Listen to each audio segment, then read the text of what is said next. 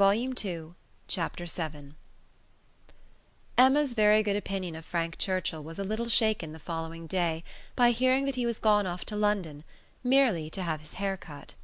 A sudden freak seemed to have seized him at breakfast and he had sent for a chaise and set off, intending to return to dinner, but with no more important view that appeared than having his hair cut. There was certainly no harm in his travelling sixteen miles twice over on such an errand, but there was an air of foppery and nonsense in it which she could not approve. It did not accord with the rationality of plan, the moderation in expense, or even the unselfish warmth of heart which she had believed herself to discern in him yesterday. Vanity, extravagance, love of change, restlessness of temper, which must be doing something, good or bad, heedlessness as to the pleasure of his father and Mrs. Weston, indifferent as to how his conduct might appear in general, he became liable to all these charges. His father only called him a coxcomb, and thought it a very good story; but that Mrs. Weston did not like it was clear enough by her passing it over as quickly as possible, and making no other comment than that "all young people would have their little whims." With the exception of this little blot, Emma found that his visit hitherto had given her friend only good ideas of him. Mrs. Weston was very ready to say how attentive and pleasant a companion he made himself how much she saw to like in his disposition altogether. He appeared to have a very open temper, certainly a very cheerful and lively one; she could observe nothing wrong in his notions, a great deal decidedly right; he spoke of his uncle with warm regard, was fond of talking to him, said that he would be the best man in the world if he were left to himself, and though there was no being attached to the aunt, he acknowledged her kindness with gratitude, and seemed to mean always to speak of her with respect. This was all very promising and, but for such an unfortunate fancy for his having his hair cut, there was nothing to denote him unworthy of the distinguished honour which her imagination had given him the honour, if not of being really in love with her, of being at least very near it, and saved only by her own indifference for still her resolution held of never marrying the honour, in short, of being marked out for her by all their joint acquaintance. Mr. Weston, on his side, added a virtue to the account which must have some weight. He gave her to understand that Frank admired her extremely, thought her very beautiful and very charming, and with so much to be said for him altogether she found she must not judge him harshly. As Mrs. Weston observed, "all young people would have their little whims." There was one person among his new acquaintance in Surrey not so leniently disposed. In general he was judged, throughout the parishes of Donwell and Highbury, with great candour. Liberal allowances were made for the little excesses of such a handsome young man, one who smiled so often and bowed so well; but there was one spirit among them not to be softened, from its power of censure, by bows or smiles Mr. Knightley. The circumstance was told him at Hartfield. For the moment he was silent, but Emma heard him almost immediately afterwards say to himself, over a newspaper he held in his hand: "H'm just the trifling silly fellow I took him for." She had half a mind to resent, but an instant's observation convinced her that it was really said only to relieve his own feelings, and not meant to provoke, and therefore she let it pass. Although in one instance the bearers of not good tidings, Mr. and Mrs. Weston's visit this morning was in another respect particularly opportune. Something occurred while they were at Hartfield, to make Emma want their advice; and which was still more lucky, she wanted exactly the advice they gave. This was the occurrence. The Coles had been settled some years in Highbury, and were a very good sort of people, friendly, liberal, and unpretending; but on the other hand they were of low origin, in trade, and only moderately genteel. On their first coming into the country they had lived in proportion to their income, quietly, keeping little company, and that little unexpensively; but the last year or two had brought them a considerable increase of means, the house in town had yielded greater profits, and fortune in general had smiled on them.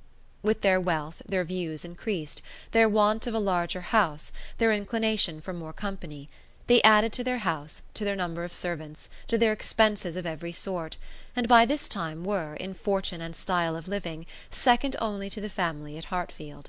Their love of society, and their new dining room, prepared everybody for their keeping dinner company, and a few parties, chiefly among the single men, had already taken place the regular and best families Emma could hardly suppose they would presume to invite, neither Donwell nor Hartfield nor Randalls. Nothing should tempt her to go, if they did; and she regretted that her father's known habits would be giving her refusal less meaning than she could wish. The Coles were very respectable in their way, but they ought to be taught that it was not for them to arrange the terms on which the superior families would visit them. This lesson, she very much feared, they would receive only from herself; she had little hope of Mr. Knightley, none of Mr. Weston. But she had made up her mind how to meet this presumption so many weeks before it appeared that when the insult came at last it found her very differently affected. Donwell and Randalls had received their invitation, and none had come for her father and herself; and Mrs. Weston's accounting for it with "I suppose they will not take the liberty with you. They know you do not dine out," was not quite sufficient. She felt that she should like to have had the power of refusal and afterwards, as the idea of the party to be assembled there, consisting precisely of those whose society was dearest to her, occurred again and again, she did not know that she might not have been tempted to accept. Harriet was to be there in the evening, and the Bateses. They had been speaking of it as they walked about Highbury the day before, and Frank Churchill most earnestly lamented her absence. Might not the evening end in a dance? had been a question of his. The bare possibility of it acted as a farther irritation on her spirits, and her being left in solitary grandeur, even supposing the omission to be intended as a compliment, was but poor comfort. It was the arrival of this very invitation while the Westons were at Hartfield which made their presence so acceptable; for though her first remark, on reading it, was that "of course it must be declined," she so very soon proceeded to ask them what they advised her to do that their advice for her going was most prompt and successful. She owned that, considering everything, she was not absolutely without inclination for the party. The Coles expressed themselves so properly, there was so much real attention in the manner of it, so much consideration for her father. They would have solicited the honour earlier, but had been waiting upon the arrival of a folding screen from London which they hoped might keep Mr. Woodhouse from any draught of air, and therefore induce him the more readily to give them the honour of his company. Upon the whole she was very persuadable, and it being briefly settled among themselves how it might be done without neglecting his comfort, how certainly Mrs. Goddard, if not Mrs. Bates, might be depended on for bearing him company, Mr. Woodhouse was to be talked into an acquiescence of his daughter's going out to dinner on a day now near at hand, and spending the whole evening away from him. As for his going, Emma did not wish him to think it possible; the hours would be too late, and the party too numerous. He was soon pretty well resigned. "I am not fond of dinner visiting," said he. "I never was; no more is Emma. Late hours do not agree with us. I am sorry Mr. and Mrs. Cole should have done it. I think it would be much better if they would come in one afternoon next summer, and take their tea with us, take us in their afternoon walk, which they might do, as our hours are so reasonable, and yet get home without being out in the damp of the evening. The dews of a summer evening are what I would not expose anybody to. However, as they are so very desirous to have dear Emma dine with them, and as you will both be there, and Mr. Knightley too, to take care of her, I cannot wish to prevent it, provided the weather be what it ought, neither damp, nor cold, nor windy." Then turning to Mrs. Weston with a look of gentle reproach, "Ah, Miss Taylor, if you had not married, you would have stayed at home with me." "Well, sir," cried Mr. Weston. As I took Miss Taylor away, it is incumbent on me to supply her place if I can, and I will step to Mrs. Goddard's in a moment if you wish it."